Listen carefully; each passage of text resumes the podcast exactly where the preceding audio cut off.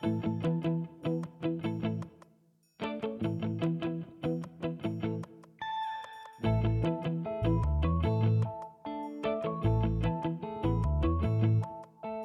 Women Peloton Podcast.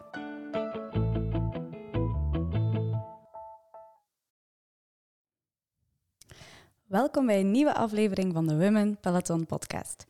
Voor deze aflevering ben ik de landsgrens overgestoken richting Eindhoven. Vandaag heb ik een gesprek met de Neder- Nederlandse ex-profielrenster Iris Slappendel. Iris is in 2016 gestopt met wielrennen. Haar specialiteit was vooral tijdrijden, als ik het goed heb. en na haar carrière is ze nog steeds on fire en actief met wielrennen bezig, maar dan toch op een andere manier. Zo heeft Iris haar eigen fietskledinglijn en is ze co-founder en executive director van de Cyclist Alliance. Ik denk dat Iris, Iris ons heel wat interessante zaken zal kunnen vertellen. Welkom. Dankjewel. We zitten hier eh, lekker knus en gezellig. Zeker. We hebben het een beetje moeten creatief aanpakken. maar ik heb wel een heel mooi uitzicht en lekkere koffie. nou, dat Dus- is belangrijk. dus dat is fijn. Nu, ik begin altijd heel graag bij het begin. Ehm, want misschien zullen sommige luisteraars jou niet kennen. Hoe ben jij ooit in het wielrennen terechtgekomen? Ehm, nou, niet helemaal per ongeluk, maar wel een klein beetje per ongeluk. Dus echt als een, eh, ja, als een Hollandse tiener ben ik eigenlijk gaan schaatsen, lange baan schaatsen. En ehm, ja, als zomertraining ging ik eh, racefietsen. En toen bleek dat ik daar wel ietsje meer talent voor, voor had als voor het schaatsen. Dus toen zeiden ze bij de schaatsclub, nou Iris, ga maar een beetje wedstrijdjes fietsen. En ja, zo ben ik dat eigenlijk gaan doen. Ja. En eh, daar vandaan ben ik eh, ja, steeds meer wielrenner geworden. Dat is wel een combinatie die vaak wordt gemaakt in Nederland. Hè? Schaatsen en dan wielrennen. Klopt, ja, dat is hier heel veel. Dus er, zijn, er is best wel veel overlap tussen Ja. beide sporten. Dus Ja. is, eh, En, ehm, want ja, je had dus eigenlijk nooit echt voor ogen om profielrenster te worden. Je had eerder iets om, een idee om iets te doen met jouw creatief talent, denk ik. klopt, ja, ik ben echt al vanaf dat ik heel klein ben, eh, ja, was ik altijd heel creatief. Veel tekenen, knutselen, dat soort dingen. Mijn ouders zijn allebei ook heel creatief. En ik kom ook niet uit een sportieve familie. Dus eigenlijk is die creatieve kant, dat lag veel meer voor de, voor de hand als, eh, als Ja. sport. Ja, maar goed, uiteindelijk...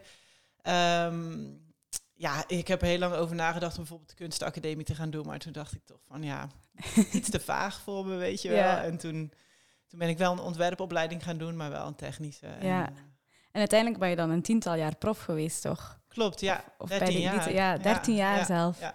En hoe heb je dan die overstap gemaakt naar het profielrennen? Ja, dat ging eigenlijk heel geleidelijk. Dus ik studeerde en ehm, ehm, ja, ik, ging, ik kwam bij een UCI-ploeg terecht en ik ging steeds meer wedstrijden fietsen. En ja, dan word je opgepikt door een, door een wat, eh, wat, wat grotere ploeg. En uiteindelijk kwam ik in 2010 bij eh Cervelo Testteam terecht. En dat was eigenlijk wel een beetje de ploeg waarvan, ik, ja, waarvan ze ook verwachten dat ik fulltime ging fietsen. En ehm, ja, toen was ik opeens profwielrenner eigenlijk, zo ging Ja. het een beetje. En was er toen al heel veel ondersteuning voor vrouwelijke wielrenners? Nou, ik denk wel dat ehm, zeker vanuit de Nederlandse, vanuit de KMU hadden Ja. wij goede ondersteuning al vanaf de juniorentijd eigenlijk. Ehm, veel begeleiding met, met trainen en trainingskampen en dat soort dingen. Ja. En ja, dat jaar dat ik bij Cervelo Testteam kwam, ik denk dat dat wel een beetje de eerste echt professionele ploeg was. Eh, op dat moment naast de HTC High Road bijvoorbeeld, die, Ja. die ook wel bij de vrouwen goede begeleiding boden. ja, en ik denk sowieso dat Nederland wel nog altijd een stap verder staat als België op vlak van begeleiden van vrouwelijke wielrensters, niet? Ja, dat zou je wel denken als je kijkt naar het, eh, naar het niveau. Maar ja, zeker vanuit... eh, ik denk dat, dat, dat de structuur in Nederland heel goed werkt. Met, eh, met heel veel Ja. verenigingen, heel veel wedstrijdmogelijkheden. En ook wel jongens en meiden die samen bij die, bij die jeugdcategorieën fietsen. Ja. Maar zeker, ja, ik denk het, dat het wel een versterkend, versterkend effect heeft gehad. Dus ja, die, die, die generatie voor mij was eigenlijk een beetje generatie Leontien van Moorsel, die natuurlijk wel ehm, heel goed was. En eigenlijk een beetje gelijk met mij was bijvoorbeeld Marianne Vos. Die kwam ook al, Ja. die is twee jaar jonger. Dus die kwam al vrij snel. En ja, ik denk dat dat soort, ja, dat soort toppers, die, die, ehm, dat helpt zo'n bond denk ik ook wel. Of motiveert zo'n bond ook om daar Ja. veel energie in te stoppen. En wordt er ook al niet heel veel van de jeugd uitgedaan? Uh, van, van scholen uit, van, van ja... Ja, je had natuurlijk vroeger heel, heel die dikke bandenraces. En, um, Wat, dikke bandenraces? Ja, ja dat, is, dat zijn eigenlijk, als er dan bijvoorbeeld in een dorp een criterium is, dan Ah, is er ook een jeugdwedstrijdje voor kinderen op hun gewone fiets. Ah, En dat noemen ze dan een dikke bandenrace. maar echt op de stadsfiets dan? Ja, ja, Ah, gewoon op, ja, op je kinderfiets. ja, dus eh, dan krijg je een helm te lenen en een t-shirt en dan doe je een dikke bandenrace. en heel veel, ik zelf niet, maar heel veel eh, wielrenners die zijn op die manier in aanraking gekomen met, eh, met wielrennen. Oh, ja, echt? Ja, Ik wil dat ook introduceren Ja, in België, de nou ja. dikke bandenrace. ik zou het doen. Ja. Ehm, op jouw website vond ik de quote terug van uh, My palmares are perhaps not filled with great victories, but every victory has its own special story. Ik vond dat zo'n heel mooie quote van jou. Dus nu ben ik wel benieuwd naar wat zijn voor jou zo jouw speciale victories geweest in, uh, in jouw carrière? Um, ja, er zijn wel een paar momenten geweest waarvan ik echt uh, ja, met heel veel plezier uh, op terugkijk. Ik denk een van de, um, ja, een, een, van de misschien een beetje sleutelmomenten voor mezelf is een. Is toen ik bij Sevele Testteam reed, toen, toen won ik de laatste etappe in Turingen rondvaart. Nou is dat misschien voor veel mensen niet echt een heel aansprekende koers, maar het was echt een, het is een hele zware wedstrijd. Het was de koningin-etappe. Ik zat in een kopgroep met allemaal, ja, op dat moment vond ik dat echt allemaal rensters waar ik enorm tegen opkeek. Ja. En uh, mijn ploegleider op dat moment, die zei op een gegeven moment tegen mij, ik zat in de kopgroep, die zei, Iris, daar en daar ga je aanvallen. Je bent gewoon de sterkste in deze groep vandaag. En ik dacht, nou oké, okay, ja, ik doe het maar, weet je wel. Dus ik viel op een gegeven moment aan en ik, uh, ja, ze hebben me nooit meer teruggezien. En ik weet nog, ja, dat voelde voor mij echt als zo'n moment van, oh wauw, ik ben gewoon echt, uh, voelde een soort als een doorbraakmoment Ja. dat ik in mezelf ging geloven. En um, ja, en, en, bijvoorbeeld ook, uh, ik heb de wereldbeker in Zweden een keer gewonnen. Dat was ook zoiets. Ja, ik denk dat heel vaak dat ik, dat ik omdat ik in een soort ondersteunende rol zat uh, binnen ploegen. Ja. Uh, ja, en als ik dan toch een keer dat moment kreeg om voor mijn eigen kans te gaan en ik, en ik won, dan, ja, dan was het bijna altijd uh, met, vanuit een kleine kopgroep of Ja. solo. Dus dat zijn altijd wel speciale momenten. En ook wel de spectaculairdere overwinningen dan als je dat kan solo. Klopt, ja. Ik won bijvoorbeeld het NK in 2014 en toen pakte ik uh, Lucinda Brands terug in de laatste paar honderd meter. En ik weet nog dat het, ja, dat was, ik denk dat iedereen die dat, ja, heel veel mensen die ik spreek zeiden van, oh ja, dat NK dat je toen won, dat was toch wel uh, bijzonder, hè? Ja. En dus ik denk, ja, dat, dat, dat zijn wel dingen die mensen natuurlijk onthouden. Ik zie ook het vuur terug in jouw ogen komen als Ja. je daarover praat. En Lucina Brandt is geen kleine naam om, uh, Nee, om even te pakken. Nee, klopt. Maar um, in 2016 besloot je dan om te stoppen met professioneel wielrennen. Als mijn bronnen kloppen, Google. Klopt, klopt. Ja. En um, voelde je dan aan op dat moment van, nu is het goed genoeg geweest voor mij, nu wil ik op naar nieuwe avonturen? Of... Ja, uh, jawel, dat was wel een beetje wat ik voelde. Ik denk um, dat, ik, dat ik die... Ik heb drie jaar bij Rabobank gefietst. En tijdens die jaren begon ik al een beetje te merken van... Ja, dat, dat ik gewoon niet altijd die innerlijke uh, drive had... die Ja. bijvoorbeeld mijn ploeggenoten wel hadden. En ook wel, ik ben, altijd, ik ben altijd een beetje blijven werken. Ik ben altijd heel breed geïnteresseerd geweest. Altijd allerlei verschillende dingen gedaan. Ik vond het wel heel moeilijk om die pure... Um, focus alleen op het wielrennen te Ja. hebben. En ik had ook het idee dat het voor mij heel goed werkte. Maar op een gegeven moment, ja, je maakt eigenlijk altijd een beetje een afweging hè, van wat ik erin stop, haal ik dat er ook nog uit.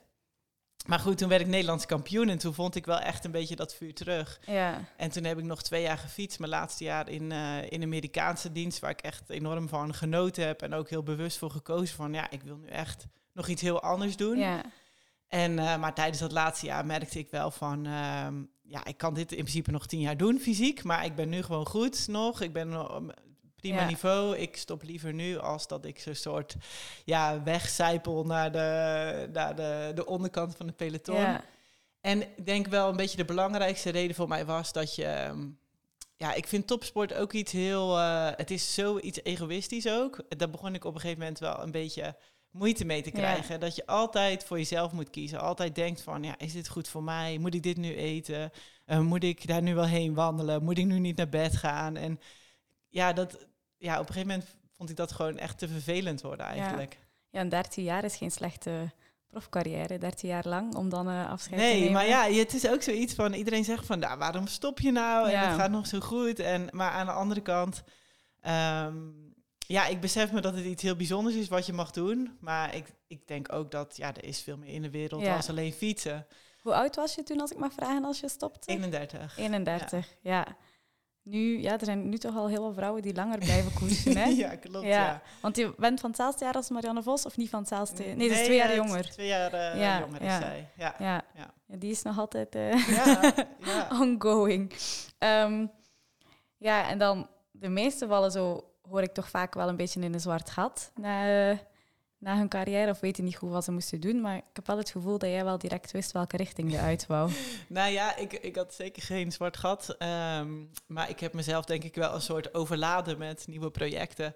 Want het is, ook al wist ik wel heel goed wat ik wilde doen. En ik, ik, ik ben altijd een beetje actief gebleven als freelance eh, ontwerper. Eh, en daar wilde ik heel graag mee doorgaan. Maar het is toch wel een heel eng moment. Want je gaat uit een heel gestructureerd leven. Ja, Dus datgene waar je een beetje eh, klaar mee bent eigenlijk, ga je naar een, iets heel nieuws, onbekend. En, ehm, ja, en ik was zo bang dat ik niks te doen zou hebben, dat ik op alles ja zei. En ik ben mijn eigen kledingmerk begonnen en een vakbond. En ik ben nog een, uur een ehm, snelheidsrecordpoging gaan doen. En ehm, ja, ik ben bij Eurosport gaan werken, dus echt eigenlijk van alles. en, eh, en dat was misschien wel een klein beetje heel veel. ja, Maar het was geen zwart gat. En Nee. eh, ik ben ook wel blij dat ik dat uiteindelijk zo heb aangepakt. Want ja, je- ik ben wel echt van mening, en dat is iets wat ik misschien geleerd heb met fietsen, van ehm, ja, soms moet je gewoon in het diepe springen en dingen doen. En het ergste wat kan gebeuren is dat je teruggepakt wordt en niet wint. eh, of dat, je, ja, dat iets niet lukt. En eh, ja, dat is ook niet het einde van de wereld. ja, toch wel moedig om zo direct zoveel aan te pakken. Want dan ging je van een heel gestructureerd naar dan, ja, waarschijnlijk, ja, ondernemen vind ik toch heel weinig gestructureerd, want mijn dagen lopen Klopt. altijd in het honderd. Klopt, ja.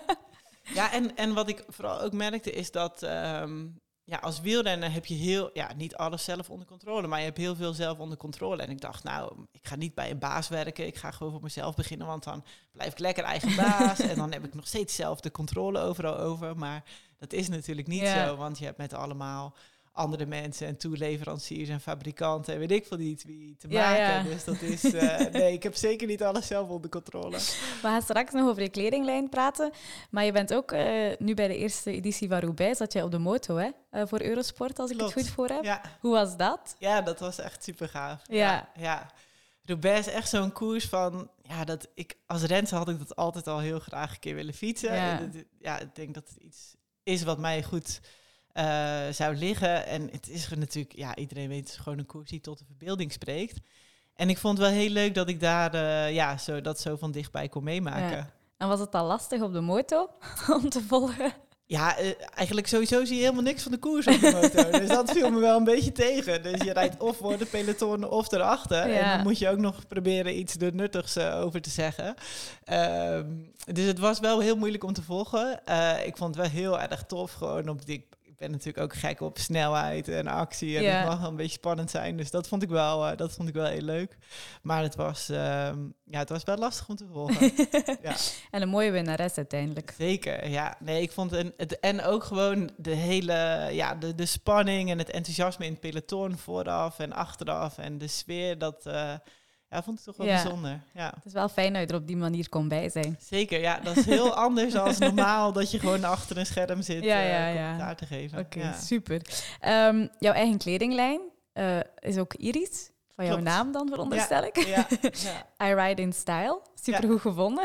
ja, dankjewel. Ehm, dus ja, je had waarschijnlijk wel al langer voor ogen eh, met jouw creatief talent dat je dat wou doen. Want je hebt ook, denk ik, als ik het juist voor heb, ook kleding ontworpen voor bepaalde ploegen dat jij voor reed. Als je- Nou, dat, dat niet precies, maar ik heb wel kleding ontworpen voor de, ehm, voor de Nederlandse selectie voor de Ah, Olympische ja, Spelen in ja. Rio. Ja, Ah, ja. ja, Dus, maar eh, wel leuk om dat te mogen doen dan. Ja, dat was heel cool. ja. En wat wil je dan eigenlijk bereiken met jouw kledinglijn? Want het is niet zomaar een kledinglijn, hè? Nee, ja, ik moet ook wel zeggen, toen ik daar dus mee begon, had, wilde ik gewoon ja, een beetje vanuit mijn eigen ervaring als wielrenster. En ik heb dus een achtergrond als productontwerper, dacht ik gewoon, ik wil eigenlijk... Wat ik heel erg miste toen ik stopte was ja, kleding die ik zelf heel tof vond. Maar ook, eh, en een beetje stoer, weet je wel, niet zo ja, Ja, bloemetjes, eh, roze. En, eh, maar ook wel gewoon echt hoge kwaliteit. En ik denk dat, dat, je, dat je heel erg zag dat veel vrouwenkleding een soort afgezwakte versie was van, van mannenkleding. Dus ik wilde eigenlijk iets echt van, eh, van hoge kwaliteit maken en ehm, heel eigen tijd en een beetje opvallend. En ehm, dus, dus ja, daarom ben ik eigenlijk begonnen. En Ja. ja, ja dat is nog steeds. Er zat dus niet echt een heel groot hoger doel achter. Dat ik, behalve dat ik gewoon goede en mooie Ja, kleding ja. wilde maken. Maar ik heb wel in de loop van de tijd, eh, van de jaren gemerkt dat je ook met kleding best wel een verschil kan maken. En dat zit toch ook wel, dat zit gewoon natuurlijk ook een beetje in mij, een beetje activistische ja. ondertoon in. Want ik, ja, ik, ik merk gewoon dat, dat ehm, ja, heel veel vrouwen die fietsen zijn zo onzeker. En ja, een beetje de tagline is ook ride with colorful confidence. Ja. Want klanten of, of dames die ik spreek, zijn heel vaak van ja, ben ik, ben ik nu wel ehm, goed, genoeg, een goed genoeg een fietser om dit soort kleding Ja. te dragen, et cetera. Eh, Of, of ben ik wel slank genoeg? Of, en ik denk dat het echt, dat, dat, dat we dat allemaal overboord moeten gooien. Dus ik probeer wel heel erg met mijn kleding en fotografie en over al die dingen denk ik heel erg veel na van echt een heel divers beeld te laten Ja. zien. En ook wel een heel sterk beeld. En ook wel heel erg, ehm, ja, heel veel fun, zeg maar. Dus dat het gaat niet alleen over snelheid en aerodynamica, maar het gaat ook echt over van, ja, waarvoor fiets je? Om een leuke tijd te hebben, om, om je fit te voelen, Zeker, om ja. de natuur in te gaan. En eh, ja, dat is eigenlijk wel vooral ja, de boodschappen die ik wil uitdragen. Ja, en ik weet niet hoe dat zit in Nederland, maar in België krijgen we bijvoorbeeld bij de Women Peloton heel vaak de vraag van ja, ehm, bijvoorbeeld mijn zeemvel, dat klopt niet zo goed. Ik weet niet als jullie in Nederland eigenlijk ook zeemvel Ja. zeggen. Ah, ja. Ja, zeker zeggen wij. Ah, ja. zeem, ja. Ehm, of bijvoorbeeld, ehm, eh, wat is nog, ja, het plasprobleem vaak bij vrouwen, zo die dingen. Denk je daar dan over na als je, als je kleding ontwikkelt? Ja, zeker. Ja, ik denk heel erg veel na over hoe het past. Ehm, de stof, hoe de stof aanvoelt. Ehm, ja, dat, ik, ik vind het heel belangrijk dat het bijvoorbeeld heel zacht is, dat het Ja. mooi aansluit, dat het niet knelt, eh, dat de, die banden bij je broek, dat die niet zo in je, Oh ja. in je been Ja, knijpen. dat probleem. Ehm, maar ik heb ook bijvoorbeeld een al mijn broeken hebben een soort magneetsluiting aan de achterkant, dus die kan je heel makkelijk losklikken zonder al je kleding uit te Ah, hoeven en dan kun je eigenlijk zo plassen. Ehm, ik kies ook echt al, ik ga, heb al jaren dezelfde type zeem, echt een hele elastic interface, super high-end eh, Ja. zeem waar ja, over het algemeen de, ja, mijn klanten heel erg tevreden Ja. over zijn. Dus dat vind ik wel echt dingen waar, eh, ja, daar valt of, of staat een goed product bij. En daar valt of staat ook wel echt je fietsplezier bij. ja, maar dat is wel vaak. Want ik had ook onlangs een mailtje gekregen van een dame die helemaal niet zo fijn vond om te fietsen, omdat ze een maatje groter is. Ja, En die zei, ja, ik vind gewoon, ja, ik moet bij de mannen gaan kijken voor mijn fietskledij. klopt. Dat Ja. is eigenlijk gek, hè? Dat dat... Ja, dat is ook gek. En ik denk ook dat ehm, eh, ook daarin is het weer, en zowel in, in, in beeld, hè, dus eh, wat laat je zien, eh, maar ook wel in, in maatrange, eh, wat bied je aan. En ja. Het, is, het is, blijft altijd een beetje kip en ei verhaal. En ook dat, ik ben ook begonnen met XS tot en met ehm, XL. En komend jaar is het zelfs XXS tot XXXL. ja. En dat is gewoon omdat ehm, ja, elke maat die je toevoegt, dat, dat vergt ook extra ontwikkeltijd en, en geld. Ja. En uiteindelijk is natuurlijk het percentage wat een 3 keer XL broek koopt kleiner als een medium. Maar dat maakt niet uit. Uiteindelijk wil je wel ook die, Ja, die ja. klant kunnen bedien- bedienen. Want ook, ja, ook zij moeten prettig op de fiets kunnen zitten. Ja, dus ik denk dat dat heel belangrijk is. Ja. Dat we daar wel over nadenken. En ik denk dat ehm, dat juist ook wel een kans is voor kleinere merken om, om zoals ik, om... eh, Hè, de, voor, voor mij maakt het niet uit als je dan, oké, met, met een maatrange, weet ik veel, minder winst maakt of zo. Ik vind het gewoon belangrijk om dat te kunnen bieden. ja, ja. Dus er zit toch wel iets meer achter jouw kledingmerk Ja, dan de denk- meeste. Ja, Ja, zeker. Nee, er zit heel veel achter. Maar, Ja, eh, ja. ja, super fijn. Daarnaast ben je dan ook nog co-founder van de Cyclist Alliance.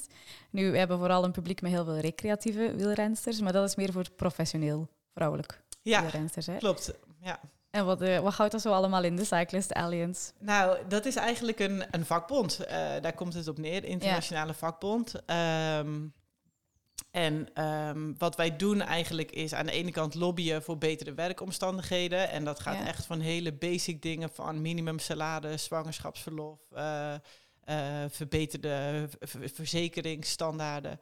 Tot en met ehm, heel veel individu- individuele support. Dus Ja. we hebben ondertussen vijf juristen in die ons, die ons helpen op allerlei vlakken. Ja. Dus dat is arbeidscontracten, maar bijvoorbeeld ook visa's of eh, eh, eh, belastingvraagstukken, et cetera. Eh, we, hebben, maar we hebben ook een voedingsdeskundige, een sportarts, een sportpsycholoog. Ja. Dus we, we leveren ook wel heel veel individuele hulp. En dat is op dit moment gewoon ja, nodig, omdat het vrouwenpeloton dat is zo verspreid qua, qua niveau Ja. en professionalisme. Eh, we hebben het World Tour. En zo moet je het eigenlijk zien. In het vrouwenwielrennen heb je World Tour en Continentaal. En die World Tour, World Tour is echt wel heel veel eh professionele Ja. momenteel. Met salarissen en, eh, en bijvoorbeeld zwangerschapsverlof. Wat ook van die twee dingen zijn waar wij een aantal jaar geleden Ja. heel hard voor gelobbyd hebben. En dus ook voor elkaar gekregen. Ehm, Want dat maar- bestond nog dat niet bestond nog niet. Nee, nee, dat bestaat echt pas sinds eh 2020. Ja. En dat Ja. houdt dan in dat ze hun loon behouden als ze zwanger zijn. Of, Ja, ja. klopt. Ja. Ja. dat is In wel elk iets geval heel voor een aantal ja. maanden. Ja. Ehm, en, eh, en, en ook bijvoorbeeld dat je niet ontslagen kan worden. Hè. Want ik heb vroeger echt nog contracten getekend waarin stond bij zwangerschap, eh, bij zwangerschap Oh ja? eh, dan eh, wordt dit contract ontbonden. Ja, Echt? ja zeker. Oh, Ja. wow. Nu Ja. val ik even... Ja. ja, dat zijn ook van die dingen waarvan ik toen dacht van, nou ja, dat is eigenlijk logisch. En als je er nu over nadenkt, dan denk je, nou, dit is zelfs in, in strijd gewoon met, eh, met wetgeving. Ja. Maar ehm, ik, de- ik denk dat dat ook heel erg is wat wij nog steeds zien. Ehm, en ook een van die redenen waarom we dit begonnen zijn, is... Ik had als renster ook heel weinig kennis hierover, Ja. over arbeidscontracten of überhaupt Ja. juridische kennis. En een, een teammanager kon mij alles wijsmaken wanneer ik een Ja, je contract vertrouwt teken. daar ook op. hè? Ja, je vertrouwt daarop totdat het een keer misgaat en je een conflict krijgt. En ja, dan heb je geen eh, middelen om bijvoorbeeld Nee. zelf een, een advocaat in te schakelen of zo. En eh, dat is eigenlijk wel een beetje de Ja. harde lessen die ik ook zelf gehad heb. Waarbij ik dacht van ja, waarom is er niet iemand of iets wat ons hierbij helpt? En ik denk dat wij, ja, wij geloven er wel echt in. ehm, het is niet alleen helpen, het helpen van renners, maar het is ze ook echt eh, onderwijzen. We geven ook webinars Ja. over allerlei onderwerpen. Want ja, kennis is eigenlijk macht. Ja, hè? Dus ja, maar dat is, wel ja, echt. Ja. Ja. Dat is ook een deeltje wat wij met de Women Peloton in de podcast willen doen. Dan, hoe meer kennis er is, ja, hoe meer dat er ook zal zijn voor vrouwen uiteindelijk. Want er is gewoon nog altijd op alle vlakken te weinig kennis, denk Klopt. ik dan. Ja, en er zijn ook op heel veel dingen ook wel een beetje taboe natuurlijk. Ja. Hè? Bijvoorbeeld, eh, ja, ook als het gaat over salaris of dat soort dingen. Dus ja, we hebben daar ondertussen zoveel informatie over verzameld... die we dan ook weer kunnen delen met rensters. Eh, en je merkt ook dat, ja, dat, dat, dat, dat zorgt ook voor dat, het, dat dit soort gesprekken blijven, eh, Ja. bezig blijven eigenlijk. Want hebben heel veel vrouwelijke wielrensters een, een echte manager waarop dat ze kunnen vertrouwen? Ik weet in het mannenwielrennen, ja, heeft bijna zo goed als iedereen, denk ik, een manager. Nee, nee, dus we doen elk jaar een grote enquête onder al onze leden. En ehm, ja, op dit moment is nog steeds 80% van de renners die een contract tekent Ja. zonder manager of enige juridische bijstand. Dus dat is echt een heel, heel hoog 80%? percentage. Ja, ja. Amai. Ja. Oh, Dus Dat is wel eigenlijk 20% maar die een manager Ja. heeft of eh, ons vraagt voor hulp. ja. Ja. Oh, dat is wel nog een heel groot cijfer. Ja. ja, maar dat komt ook omdat ook hierin is weer heel vaak de veronderstelling van, eh, ja, ik, ik heb al zo'n klein salaris, dus of helemaal geen salaris. Ja, dus waarom zou, ja, moet ik nog een percentage afdragen? Eh, en aan de andere kant, ja, ook vanuit managers, die denken ook van, ja, wat, hè, eh, wat is er eh, Ja. te halen, bij wijze van spreken, in, in het vrouwenwielrennen. Ja. Maar goed, je ziet dat nu wel veranderen. En wij zeggen ook wel heel vaak tegen renners die we helpen van, nou, denk er toch even over na.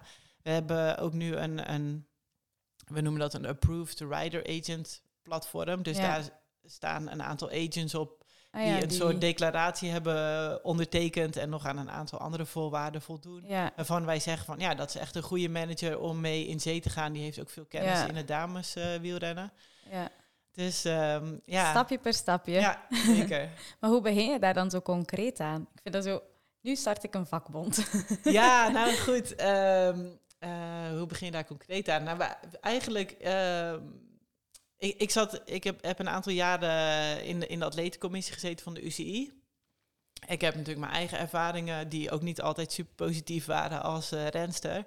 En ik dacht eigenlijk van, ja, die atletencommissie, dat, die, die, die, ehm, ja, wat je daar kunt doen voor rensters is eigenlijk zo beperkt. Uh, Ja. daar moet iets anders voor zijn. Er moet echt een vakbond voor zijn. En op dat moment was er niemand die de, de belangen voor de vrouwen behartigde. Dus we zijn eigenlijk heel. ehm, ja, we zijn eigenlijk met, begonnen met een grote enquête. Die heb ik naar de 600 eh, wielrensters verstuurd. Ja, En eh, ja, daaruit was ten eerste wel heel duidelijk dat er behoefte aan was. En ten tweede gaf dit meteen een heel, goede, in- een heel goed inzicht in waar er dan ook behoefte aan is. En Ja. wat nu het, het, ja, de, de prioriteiten zijn voor de rensters. En natuurlijk wist ik al wel heel veel, maar het was goed om dat ook bevestigd te zien. En die, eh, ja, die enquête die is eigenlijk een beetje de basis geworden voor de, voor de vakbond. Ja. En sindsdien doen we dat ook elk jaar. Dus dat houdt ons ook heel erg up-to-date. En daardoor zien we ook wel de veranderingen. Zowel ten goede als ten slechte. ja, ja, ja. Ja. waarschijnlijk. Want hoe lang bestaat de Cyclist Alliance? Ehm, ja, sinds eh, 2017. ah ja, dus echt direct na jouw profcarrière. Ik begin er hiermee. Ja, Want als ik het goed voor heb, bestaat er ook de CPA voor wielrenners. Ja. Maar ik ben er niet zo in thuis. Ik hoor Jasper daar vaak over praten. Maar die doen dan niet genoeg voor vrouwen, veronderstel ik. Nou ja, eigenlijk op het moment dat, eh, dat ik nog renster was, toen deden zij überhaupt niet, niets voor de, de vrouwen. Eh, Dat, dat wilden ze ook niet doen. Ehm, Dat wilden ze ook niet nee, doen. nee, want eh, op dat moment was voor de CPA waren de vrouwen niet, zij, ja, zij zagen die niet als professionele wielrenners. Ah, Ehm, en ja, daar heb ik ook wel een aantal discussies met hun over gehad. dat kan ik geloven, Eh, ja. eh, en op een gegeven moment zagen ze natuurlijk ook wel in dat ze, dat, dat ze daar wel wat mee moesten. Dat hebben ze ook aan, aan, Ja. aan mij onder andere gevraagd. Eh, ik zag alleen ook wel de problemen van het systeem van de CPA. Dus het werkt via nationale vakbonden. En ehm, ik ben er eigenlijk zelf ja, niet mee eens. Want ik denk dat eh, het wielrennen is ondertussen een heel internationale sport. Ja, zeker. Het vrouwenwielrennen is ook best wel een kleine sport. Eh, dus het, het, ehm, het systeem van nationale vakbonden en dan eh, weer daar lid van zijn, vind ik heel erg ja, ouderwets eigenlijk. Ja, Ehm, en daarnaast zijn er nu maar vijf landen volgens mij lid van de CPA. Dus er is een hele grote groep renners die eigenlijk geen enkele invloed hebben op, Ja. op zo'n organisatie. Eh, dus daarom hebben we eigenlijk besloten om, eh, om zelf iets op te richten wat veel moderner is. Wat werkt met direct Ja. lidmaatschap. Alle renners hebben direct eh, stemrecht en ook invloed. We hebben een rider council van 12 rensters ja. die elke twee maanden samenkomen. We hebben ook eh, op dit moment Elle van Dijk als renster, actieve renster in ons bestuur. ja, het, ja. Dus we hebben wel, ehm, ja, we zijn echt heel erg in, in contact met Ja. het peloton. En ik denk dat dat veel, veel beter werkt Ja. als. eh, ja. En ook wel zo breed mogelijk, hè, want ik zag dat Arjan Lutti dan voor de mountainbike-wereld. Ja. eh, op de piste, was er ook iemand op de piste? Of heb ik dat... Nee, op de piste niet, maar wel Haley Smit, die doet dan ook Oh, meer meer mountainbike. ja. Ja, Lucinda Brands heel erg betrokken, ook vanuit de cyclocross. Ja, dus ja. we hebben vorig jaar eh, zijn we heel erg bezig geweest Ja. met die, die wedstrijdlengtes bijvoorbeeld in de cyclocross. Ehm, dus zo, zo is er wel een, eh, en dat is wel iets waar we aan moeten bouwen nog, hè, dat het veel breder moet eh, over alle disciplines. Ja. alles wordt ook op dit moment breder voor vrouwen. Dus dat is maar normaal dat dat ook nog moet groeien, dan, Klopt. denk ik dan. ja, ja. ja. Ehm, ja, je hebt dus 13 jaar profielrenster geweest. Eh, dan nu zit je ook nog in het wielrennen. Hoe heb jij dat vrouwenwielrennen zien evolueren vanaf de eerste dag dat jij bij wijze van spreken op de fiets zat tot nu? Wat, wat zijn de positieve veranderingen geweest vooral? Nou, er zijn heel veel positieve veranderingen. En, eh, en ik denk vooral het belangrijkste wat je ziet is dat, dat in de breedte het peloton heel erg gegroeid is. Ja. Dus toen ik net begon, ja, toen was daar inderdaad Leontien. En die stak een beetje met kop en schouders eh, bovenuit. En toen kwam de rest. En, ehm, en ondertussen is er denk ik een peloton met, met, ja, als je kijkt naar wedstrijden, natuurlijk, de Nederlandse vrouwen zijn vrij dominant. Maar over het algemeen... Hè, Ja, wat eh, is jullie geheim? Misschien Ja. kunnen we het even delen nu. ja, ja. Nou ja, het laatste WK, dat weten we natuurlijk allemaal, niet zo goed af. En ik denk ook dat, dat je ziet dat, dat andere landen daar wel een beetje een inhaalslag aan het maken zijn. Ehm, dus je ziet wel echt nu, als je naar de wedstrijden kijkt, is gewoon veel spannender. Het, er zijn veel meer renners die kunnen Ja. winnen. En ook ja, het niveau en de professionaliteit van de ploeg is ook enorm eh, toegenomen. Ik, to- toen ik begon, eh, reed ik bij een UCI-ploeg waarbij één iemand fulltime fietste. En de rest die studeerde of die had een bijbaan. En eh, ja, nu, nu, nu zijn er toch wel echt wel een heel groot aantal renners die Ja. gewoon fulltime hun sport kunnen beleven. Ja.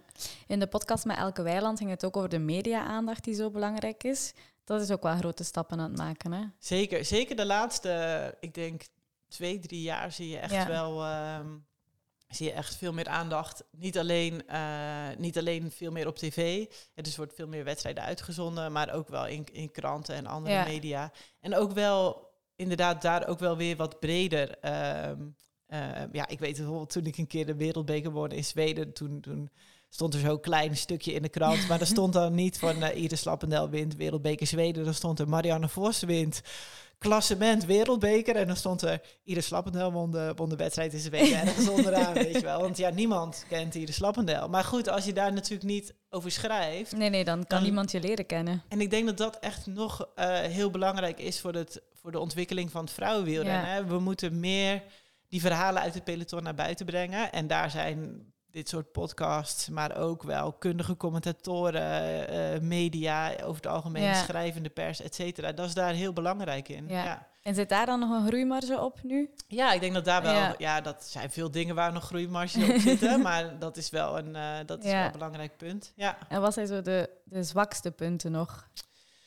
Nou, ik denk dat je wat een beetje mijn, mijn ehm, ja, iets is waar ik me zorgen over maak, is dat je ziet dat die, dat die top van het vrouwenwielrennen dus zich heel hard ontwikkelt nu. Ja. Maar aan de onderkant niet zoveel verandert. Dus je krijgt eigenlijk Nee. eh, veel meer, ehm, ja, veel grotere verschillen binnen één peloton. ja. En dat is wel iets eh, ja, wat wij ook bijvoorbeeld in die cijfers van salarissen zien. Het is nog steeds bijna 60% van het peloton die minder dan 5000 Ja. euro per jaar verdient. Ja, dat is eigenlijk niks. Dat is, dat is Hè? En aan minder de andere niks. kant, dat is, eh, ja. ja. aan de andere kant zijn er, fietsen zij ook elk weekend tegen meiden die eh, misschien een ton per jaar nu verdienen. Ja.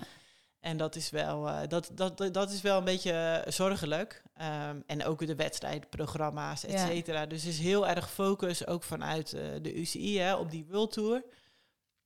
En die World Tour ploegen. Ja. Maar ik denk dat we echt eh, veel meer moeten nadenken van wat is nu de visie voor het vrouwenwielrennen? Hoe ga je de sport eh, ja, in, Ja. in zijn algemeen ontwikkelen? Hoe zorg je dat jeugd, hè, dat die stap die ze Ook, kunnen ja. maken naar de, naar, de, naar de elite, dat die ook eh, ja. te doen blijft. We hebben nog steeds geen onder 23 categorie bijvoorbeeld. Dus ehm, ja, hè, dus Ja, dat is zijn- zo. Ja, Je er staat daar eigenlijk niet bij stil, hè, maar ja. Want ja, bijvoorbeeld bij ons Jesse van den Bulke, ik weet niet, ons Belgisch, ex-Belgisch kampioene, Ja. die, die moet ook wel nog wat werken eh, daarnaast om, om, om volledig te kunnen leven, zal ik maar zeggen. Ehm, ja, een Belgisch kampioen bij de mannen die niet genoeg verdient, dat, dat, is, ja, dat komt nee. denk ik niet voor. Misschien wel ergens, maar toch niet... eh, niet in het wielrennen. Nee, nee, nee. Dus toch, er wordt wel soms nog gevochten met ongelijke wapens dan bij de vrouwen. Ja, nee, dat, dat is ook zo. En ik denk ook wel weer, ehm, hè, daar ligt aan de ene kant ook wel iets bij de rensters. Dus ehm, ja, nogmaals, hoe meer je ehm, zorgt dat je zelf ja, je, zeg maar, je inleest, dat je voorbereid Ja. bent, dat je, dat, dat je, als je als je op gesprek gaat bij ploegen, dat je weet wat je kunt vragen, wat je mag vragen, wat je rechten en plichten zijn. Maar aan de andere kant is het ook natuurlijk gewoon de economie van, van, van het vrouwenwielrennen. Ja. Als er nog steeds veel minder media-aandacht is en minder sponsors bij betrokken zijn, ja, dan is er ook gewoon minder geld te verdienen. Ja. Dat is ook de realiteit. En daar moeten we misschien een beetje geduld bij- mee hebben. Uh, maar ik denk wel dat, dat, dat we ook moeten ehm, nadenken van als, de- als je dan toch geld investeert, hè, waar investeer je het dan in? En, Ja. en we zien ook gewoon heel veel ploegen, maar ja, een paar jaar eh, die er zijn en dan eh, zijn ze weer weg. En eh, het is een heel onstabiele Ja, situatie wel, hè, ook. ja. Ja. En hoe belangrijk is zo de Tour de France volgend jaar voor vrouwen? Voor het vrouwenwielrennen? Ja, ik, ik, ik moet zeggen, ik heb nog steeds wel eens een beetje mixed feelings over Ja. die Tour de France. Want ik, ik vind dat... ehm, ja, ik vind eigenlijk dat je zou... Dat je wielrennen, als zeg maar het vrouwenwielrennen, als een sport aan zich ook moet ontwikkelen. Dat je niet alleen maar constant dat mannenwielrennen moet kopiëren. Maar ik denk dat, dat ook daarin wel weer een kans ligt voor het vrouwenwielrennen om... eh, om zich als een, als een veel modernere sport, met alle respect, Ja. eh, te ontwikkelen. En ehm, we zien natuurlijk dat in, in, in mannenwielrennen de ASO, die heeft zo een enorme macht. Dat is gewoon eigenlijk de machtigste stakeholder in de sport. Ja, Dat ik vraag, me wel eens afvraag van, moeten we dat in het vrouwenwielrennen ook willen? Eh, aan de andere kant gaat zo'n Tour de France, en dat zie je nu al, dat gaat zo een enorme boost geven. Ja. Eh, dat, dat, is, dat, is, dat heeft denk ik wel echt heel veel waarde. En ik, ik vind het zelf ook wel eigenlijk denk, tof dat ze eh, kiezen voor een wedstrijd na afloop van de mannen. Ja, met maar niet- acht dagen. Dus ja. dat, en ook een eigen parcours. Dus dat je niet constant weer gaat vergelijken. Maar dat je zegt, het is echt een tour aan zich. Ja, En ehm, eh, ja, met zijn eigen verhaal. En ik denk dat dat wel... eh, Ja. ja. maar goed, het, het, het kan wel voortdrijven op die naam Tour de France. Dus ehm, ja, ja, voor- en nadelen denk ik dan. inderdaad. Zoals ja. meestal altijd. ja. Maar al je zijprojecten, heb jij zelf eigenlijk nog tijd om te fietsen? Nou, veel te weinig. Ja, dat is wel, eh, dat, en ik woon nu, nu in zo'n prachtige omgeving om te fietsen. Dus eh, ja, nee, eh, ik, heb, ik heb eigenlijk weinig tijd om te fietsen. Maar Ja. ik probeer zeker wel in de weekenden mijn ritjes te maken. En fiets jij dan nog vooral op de weg of gravel? Of, Ja, veel gravel en veel mountainbike eigenlijk. Dus dat vind ik wel, vind ik wel eigenlijk stiekem niet zo leuk. Ja. Dat snap ik volledig. Ja. Ehm, mochten onze luisteraars jou willen volgen, jouw projecten willen volgen, waar kunnen ze dat dan best doen? Ehm, nou ja, ik denk, je kan natuurlijk op mijn website kijken. eh, dat is i-ris.cc of op mijn Instagram, Iris Slappendel. Ehm, en de Cyclist Alliance eh, kun je ook wel echt op de sociale media Ja. volgen. En, en als, als mensen ja, zeg maar lid willen worden als supporter om me te steunen, om ons werk te steunen, dan, eh, ja, dan, dan kunnen ze ook een financiële bijdrage doen. Ah ja, Dus dan leg dat maar uit. Je weet maar nooit. Ja, het, eh, nou ja, daarom. We zijn natuurlijk een compleet eh, onafhankelijke Ja. organisatie. En we moeten het echt hebben van, van lidmaatschappen en, en eh, andere ja, giften Ja, ja. eigenlijk. Dus ja. ja, want dat is ook wel niet zo makkelijk, denk ik, dan om dat draaiende te houden. Nee, nee, dat is heel, best wel heel lastig. Ja. Want ik zag ook dat jullie een, ehm, een verschillende formule hebben voor, voor vrouwen die World Tour Klopt, rijden ja. en vrouwen die eh, in het pro-continentaal zitten dan. Klopt, ja, Ja. ja. dus we hebben, ja, ehm renters die worden echt actief lid, die betalen elk jaar een lidmaatschap Ja. van 50 euro. Maar goed, voor sommige renters is dat gewoon heel veel geld nog. Dus die betalen dan 35. Ja. Of je kunt zelfs ook een renster sponsoren eigenlijk. Oh ja, dus dan echt? betaal je het lidmaatschap voor een renster die dat niet kan Ah, betalen. Ja, Amai. Dus allemaal ja, ja. renster gaan sponsoren. Ehm, ik denk dat we bijna aan het einde van onze tijd zitten. Om af te sluiten vraag ik ja, nog altijd één ultieme tip vanuit jouw ervaring. Dat mag zijn als wielrenster, als onderneemster voor onze luisteraars. Ehm, nou ja, ik denk dat mijn ultieme tip eigenlijk is voor zowel, eh, voor eigenlijk beide, voor zowel als je onderneemt of als je fietst, is gewoon, ehm, ja, wees niet, wees niet bang om, eh, om te falen. Dus eh, gewoon altijd, Ja. altijd die aanval plaatsen of altijd gewoon doen waarvan je denkt van, oh, dat zou ik wel eens willen proberen. Ja. Ik denk altijd, ja, het ergste wat, wat je kunt overkomen is dat het mislukt en dat is ook niet het einde van de wereld. Dus Nee, ja, gewoon dingen proberen. dat is heel mooi om mee af te sluiten. Dankjewel voor uw tijd en voor je inspirerend verhaal. Gedaan. En ook jullie weer bedankt om te luisteren. Laat zeker weten wat jullie vonden van deze aflevering. Ehm, dat kan via onze social media of via een mailtje te sturen naar info.thewomenpeloton.be. Ook kan je ook nog altijd terecht op onze website www.thewomenpeloton.be voor allerlei interessante artikels en lekkere en handige recepten. Tot snel!